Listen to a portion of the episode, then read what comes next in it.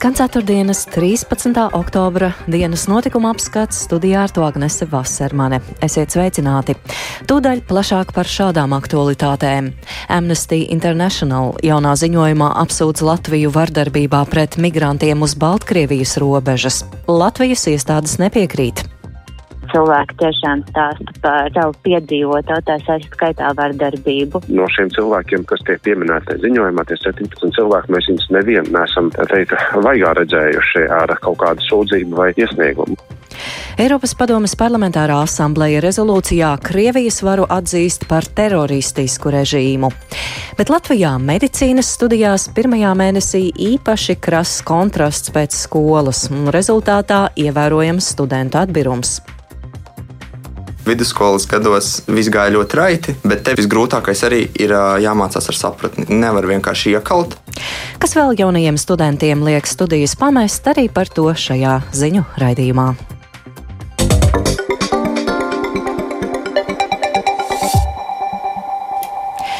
Tiesība aizstāvja Amnesty International apsūdz Latviju vardarbībā pret migrantiem uz Baltkrievijas robežas.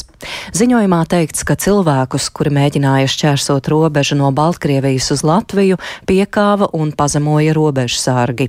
Atbildīgās iestādes pārmetumus noraida, vēršot uzmanību, ka arī tiesības sarga birojas pārbaudēs neko tādu nav secinājis.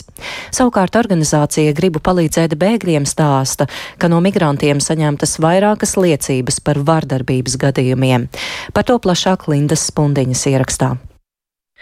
Latvija vardarbīgi iegrūda migrantus atpakaļ Baltkrievijā un dažus par pakļāvu spīdzināšanai, ziņojumā vēsta Amnesty International.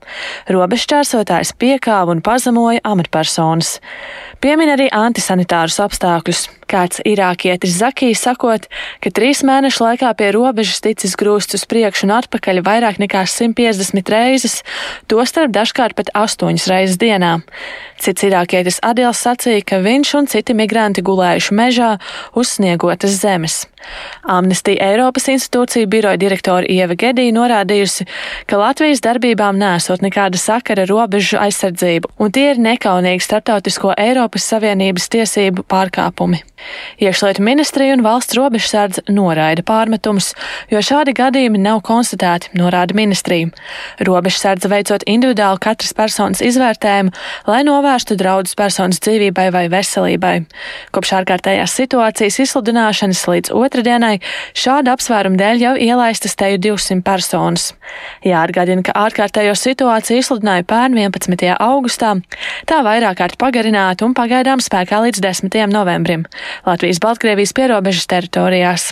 Ministrija vērš uzmanību, ka nevienai valstī nav pienākums ielaist savā teritorijā visus ārvalstniekus, kuri to vēlas, vēl jau vairāk personas, kuras apzināti cenšas nelikumīgi šķērsot valsts robežu.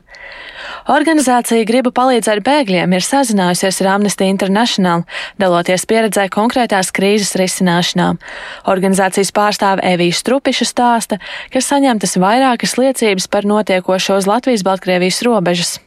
Mēs esam saņēmuši daudzskaitlīgas liecības no vairākiem cilvēkiem, kas gāja šim procesam cauri, un tāpēc arī esam vērsusies iekšējās drošības birojā ar lūgumu šo izskatīt. Izmeklēšana vēl joprojām ir procesā, un mēs pilnībā paļaujamies uz mūsu drošības iestāžu spēju šo izmeklēt un tad apliecināt to, kas tiešām notika. Kopš ārkārtējās situācijas izsludināšanas Baltkrievijas pierobežā ir ierobežot pieeja teritorijai, līdz ar to organizācija pati nevarēja novērot notikušo. Situāciju pierobežā apsako tiesības sarga birojas. Iestāde nav nevienu pārkāpumu konstatējusi. Par to, kā tiesības sarga birojas izdara savus pieņēmumus, stāsta biroja pārstāve Ruta Siliņa. Piemēram, ierodoties Daugavpils aizturēt personu centrā, tika intervēts arī šie cilvēki, kas tika ielaisti Latvijā, lai saprastu, to tad pret viņiem tur tika pielietots spēks, netika. Un viena ģimene saka, ka viņiem ir aizdoms, ka pret viņiem pielieto elektrošoku.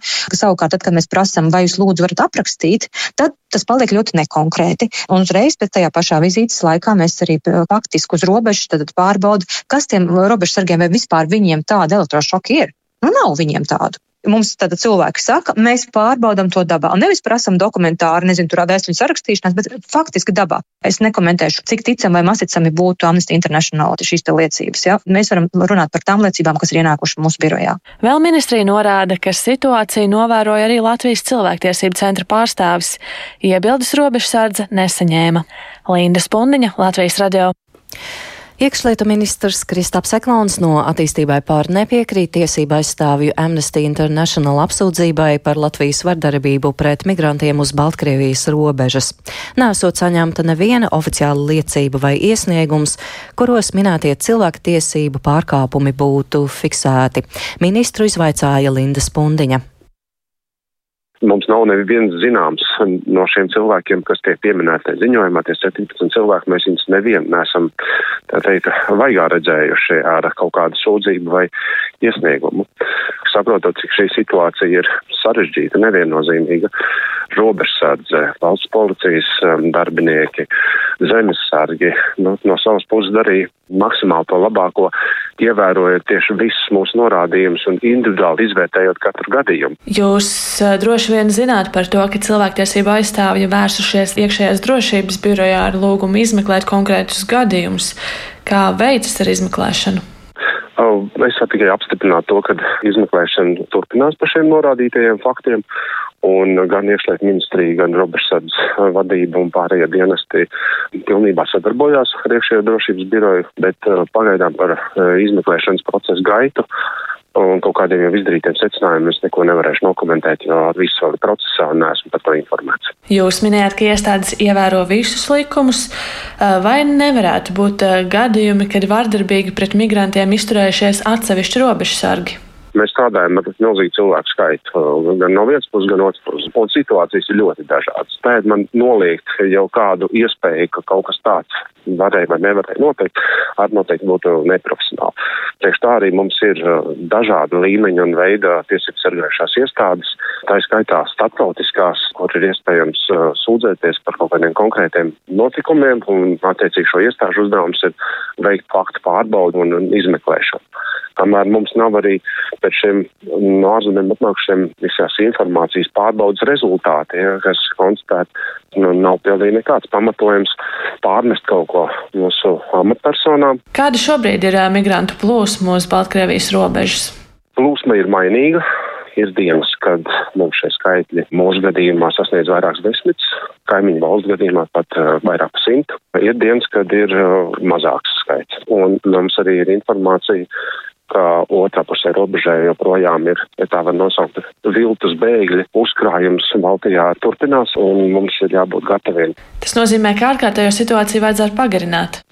Es neslēdzu iespēju, ka mēs viņu pagarināsim. Jā. Tā iekšlietu ministrs Kristaps Eklons, kur izvaicāja kolēģi Linda Spundiņa.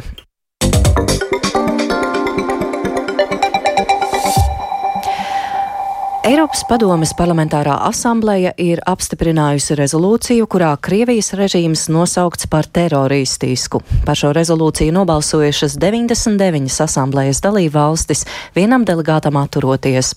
Eiropas padome ir pirmā starptautiskā organizācija, kas Krieviju izslēgusi no savām rindām, bet jaunajā rezolūcijā pirmo reizi vēsturē ir aicināts Ukrainai piešķirt militāro palīdzību. Stāstuģis Lībietis. Eiropas padomas parlamentārās asamblejas rezolūcijā nosodīta Krievijas īstenotā agresija Ukrainā, pausts atbalsts Ukrainas suverenitātei, kā arī izteikts aicinājums pātrināt īpašā starptautiskā tribunāla izveidu Ukrainā pastrādāto kara noziegumu izmeklēšanai. Tāpat dokumentā rosināts izveidot starptautisku kompensāciju mehānismu, kā arī izveidot Ukrainai nodarīto zaudējumu reģistru. Rezolūcijā arī izteikts aicinājums atbrīvot starptautiskās organizācijas no Krievu aģentiem, kā arī apspriest Krievijas dalības ANO lietderību. Kā pēc rezolūcijas apstiprināšanas paziņojuši Ukrainas delegācijas pārstāvi, Krievijas režīma atzīšana par teroristisku ir spēcīgs starptautisks signāls un vēl viens solis pretī tam, lai Krieviju arī citur pasaulē atzītu par terorismu atbalstošu valsti. Pirms brīža NATO galvenajā mītnē Briselē šodien noslēgusies alianses aizsardzības ministru sanāksme. Galvenais temats bija karš Ukrainā un tā ietekme uz NATO dalību valstu drošību. Baltijas valstis arī parakstījušas memorandu ar vēl 11 NATO valstīm un Somiju par jaunas pretgaisa aizsardzības sistēmas izveidi. Sanāksmei, sanāksmes norisēji sekoja līdzi mūsu Briseles korespondents Artjams Konohovs, ar kuru šobrīd esmu esam sazinājušies tiešraidē. Labvakar, Artjom! Labvakar, Agnese! E, kā NATO valstis šobrīd vērtē situāciju Ukrainā? Kas izskanēja no NATO valstu aizsardzības ministra puses? Situācija patiešām ir nopietna, un eskalācija, ko Krievija nesen veica, ir vērā ņemama. Tā situācija raksturoja NATO ģenerālsekretārs Jens Stoltenbergs. Viņš sacīja, ka daļai mobilizācija un arī Krievijas prezidenta Vladimira Putina draudi, kā arī aneksijas mēģinājumi liecina, ka karā viņi zaudē un ka situācija uh, neattīstās tā, kā Putins to vēlētos. Tāpēc šie ir soļi, ko viņš mēģina spērt, lai kaut kā kompensētu to, ka viņam neizdodas gūt panākumus uh, karā. Uh, NATO valstu aizsardzības ministri arī izteica gandarījumu par apvienoto nāciju organizācijas rezolūciju, kurā tiek nosodīta aneksija. Tas pēc Stoltenberga domām liecina, ka Krievija ir izolēta uz starptautiskās skatuves un visa pārējā pasaule skaidri redz, kas notiek notiek, un uh, to nevar tā apmuļķot, kā Krievija varbūt to vēlētos. Tomēr šobrīd būtu jārunā par atbalsta palielināšanu Ukrainai. Tas ir viens no būtiskiem uh, soļiem, un tas, kas arī būtu jādara. NATO turpinās palīdzību, cik ilgi tas būs nepieciešams, un tas vēlreiz tika šoreiz apstiprināts, un kā tāds ļoti praktisks solis tam ir pierādījums, ka Spānija un Lielbritānija ir šajā sanāksmē paziņojušas par jaunu ieroču sistēmu piegādi. Tur diezgan dažādi un pietiekami arī plaši, sevišķi no Lielbritānijas, kas tiek piegādātas sistēmas, ir ļoti modernas un daudzveidīgas. Tāpat NATO piegādā arī ziemas apģērbu un degvielu un citu palīdzību, tādas lietas, kas ikdienā ir vajadzīgas un kas būs arvien vairāk vajadzīgas, ņemot vērā to, ka augstais laiks nāk, nāk ziema, un karavīriem, protams, ir ārkārtīgi būtiski, lai viņi ir labi, labi ekipēti. Par to arī runāja iepriekš citi militārie eksperti sakot, ka tas var ļoti lielā mērā izšķirt um, kara gaitu, ņemot vērā, ka Krievijas karaspēks, kā mēs zinām, ir visnotaļ slikti ekipēts un slikti sagatavots ziemai, sevišķi šie nesen mobilizētie cilvēki. Tāpat tiks piegādāts arī pret dronu ekipējums, kas var palīdzēt notriekt neefektīvos Krievijas un Irānas dronus. Šis raksturojums, ka viņi ir neefektīvi, arī nāk no Stoltenberga. Un eh, visbeidzot arī aizsardzības eh, Industrijai šobrīd tiek dots signāls palielināt ražošanas jaudas, jo valstīm vajadzēs aizstāt tos izlietotos ieročus un munīcijas rezerves, kas šobrīd tiek piegādātas Ukrainai. Tad, ieroči un munīcijas ir vajadzīgas gan Ukrainai, gan arī tām valstīm, ka, kas ir NATO sastāvā un kas palīdz. Jā, Artjoms, situācija ir gana nokaitēta. Kāda varētu būt NATO reakcija, ja Krievija, nu kā mēs visi ceram, ka tas tā nenotiks, tomēr izmantotu atomieroči? Ieročus, vai mm, šajā NATO sanāksmē tika skarts arī šis jautājums? Jā, šajā NATO sanāksmē tika runāts arī par šo. Stoltenbergs bija izvairīgs, viņš aprobežojās vien ar tādām vispārīgām frāzēm, sakot, ka viņš detaļās neklāstīs, kāda būs atbilde. Tomēr viņš vairākas reizes atkārtoja, ka jebkāda atomieroča izmantošana fundamentāli mainīs konflikta dabu pat nelielo ieroču izmantošana būtiski mainīs, un atbilde būs ļoti spēcīga, un Krievija to labi zina. Tas ir viņiem labi nokomunicēts. Viņi to skaidri apzinās, kāda būs NATO atbildi, ja uh, Krievija nolums izmantot atomieročus pret Ukrainu. Tāpat NATO rīkos iepriekš plānotās mācības ar atomieroču izmantošanas scenāriju, ar atomdraudu scenāriju. Šīs mācības notiek katru gadu, tās ir iepriekš plānotas. Tomēr, nu, protams, viņu izvēlētais laiks, kad šādas mācības rīkot nākamnedēļ, tās ir paredzētas. Tas, protams, arī varbūt zināmā mērā par kaut ko liecina. Jā, Arķem, un vēl pavisam īsi, kas varbūt ir zināms par jauno pretgaisa aizsardzības sistēmu pie mums Baltijas valstīm, par ko, kā šodien izskanēja, ir vienojušās 15 NATO dalību valstis? Tik tiešām vienošanās ir parakstīta, tas ir nodomu protokols, un Vācija tajā spēlē pietiekami vadošo lomu, un šeit ir zināms, jā, ka minētās valstis kopā iegādāsies pretgaisa aizsardzības sistēmas, lai gan padarītu tās efektīvākas, gan arī, protams, labāk izmantotu pieejamos līdzekļus. Bet, nu, vairāk informācijas droši vien kļūs zināms jau vēlāk.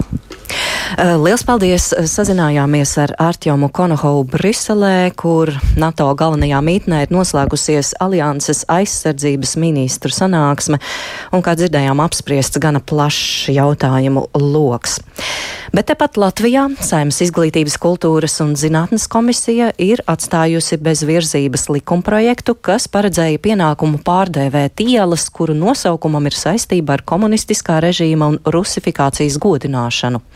Komisijas sēdē izskanēja iebildumi par likumprojekta trūkumiem, un plašāk par šo tematu Jāņa Kīņča sagatavotajā ierakstā. Tieslietu ministrijā šovasar tapušais likumprojekts uzdotu par pienākumu pašvaldībām atbrīvoties no vietvārdiem ar komunistiskā totalitārā režīma slavināšanas un rusifikācijas godināšanas pazīmēm. Saimnes izglītības, kultūras un zinātnes komisijas deputātu debatēs gan izskanēja viedokļi par neskaidrībām šajā likumprojektā. Turpina deputāts Aigars Bikši no attīstībai par. Tie cilvēki, kas ir varbūt bijuši iesaistīti varas eh, kaut kādos nu, procesos, bet tajā pašā laikā bijuši arī izcili vai nu kultūras vai, vai teiksim, pretošanās arī tai varai daļa.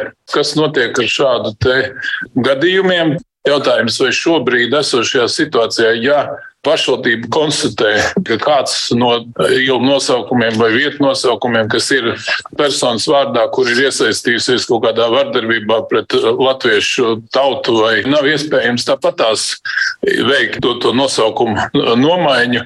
Deputāte Evija Papula no attīstībai par sāku uzskaitīt vairākus konkrētus uzvārdus, par kuru izņemšanu no ielu nosaukumiem varētu raisīties diskusijas. Varbūt par literātiem Vilis Lācis viens, Andrejs Upīts otrs. Mēs pārskatīsim visu latviešu literatūru, kas ir daudz ko darījusi, un tā skaitā sociāldemokrātus dažus, ko mēs darīsim ar Leonu Paegli, ar Mirģis Čempi, ar uh, Linardu Laicenu un daudziem citiem autoriem. Savukārt deputāti Ieva Akurāta no konservatīvajiem uzsvēra, ka šāds likums būtu vajadzīgs, taču būtu jānošķir, uz kuru personu vārdiem to attiecināt. Savukārt komisijas vadītājs Arvils Ašarādens no jaunās vienotības piebilda, ka nav skaidrs, kas ar šiem jautājumiem nodarbotos.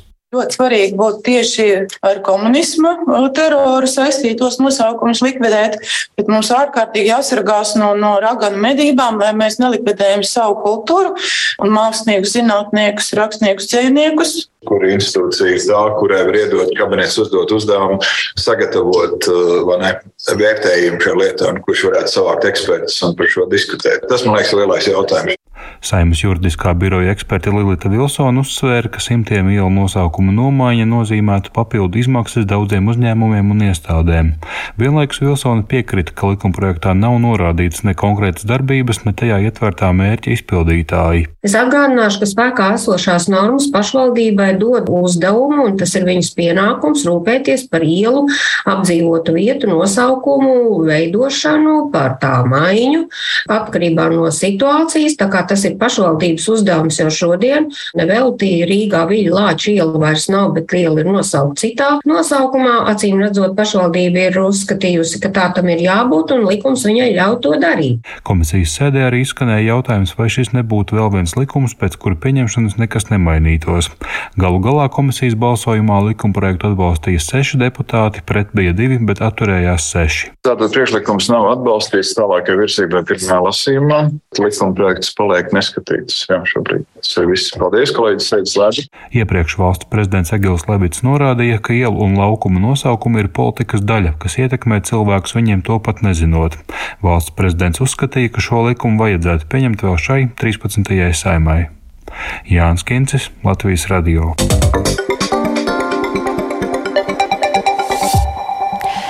Jau vairāk nekā mēnesi ilgst jaunais mācību gads arī Latvijas augstākās izglītības iestādēs. Īpaši krass kontrasts ir tiem jauniešiem, kuri izvēlējušies studēt medicīnu.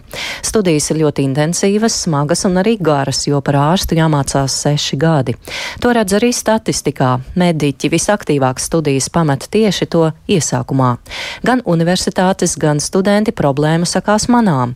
Augstskolās skaidro, jau šobrīd esot pieejami dažādi risinājumi studentu atbirumu mazināšanai, taču studējošie ir pārliecināti, ka var darīt vēl vairāk turpina Kristaps Feldmanis. Edijs Bubovičs aizvadīs pirmo mēnesi medicīnas studijās Rīgas Stradiņu universitātē.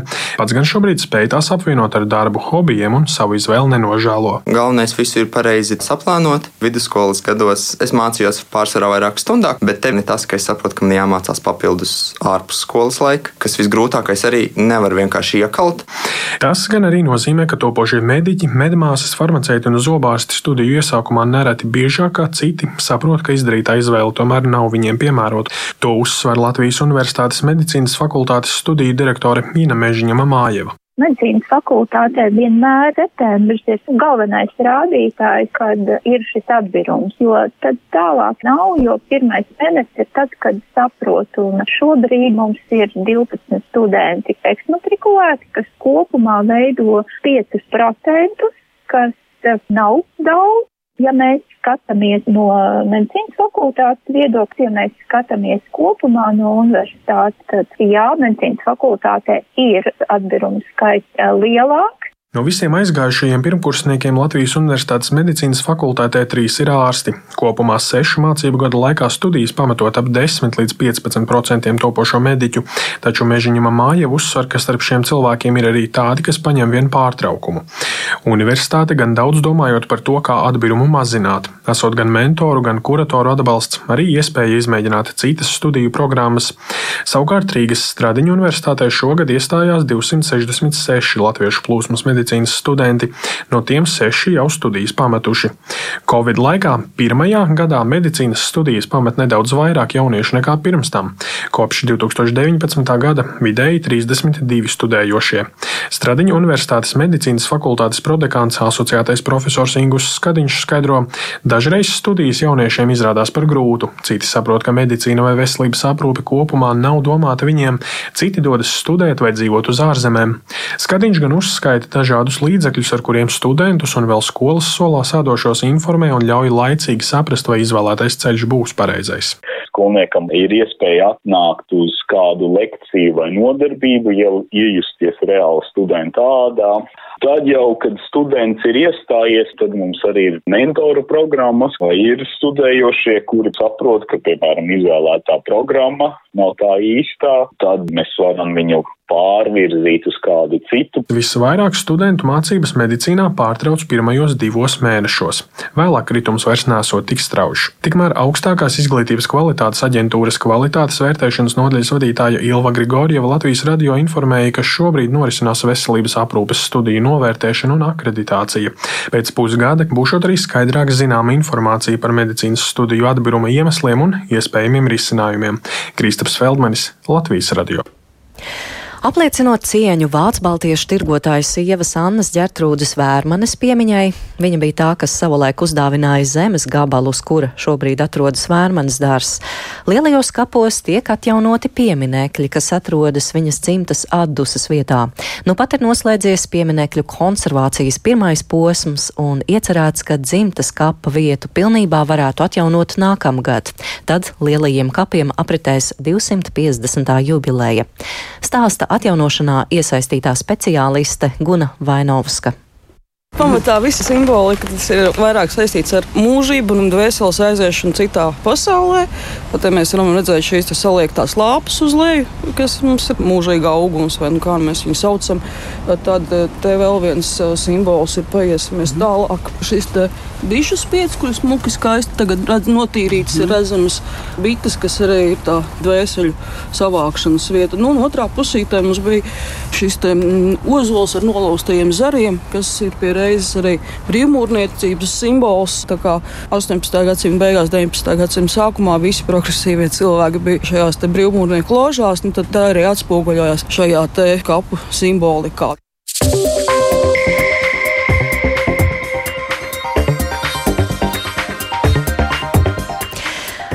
Etorī skan 4.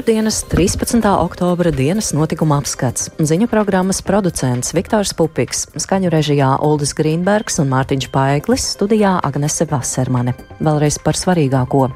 Amnesty International jaunā ziņojumā apsūdz Latviju vardarbībā pret migrantiem uz Baltkrievijas robežas. Latvijas iestādes nepiekrīt.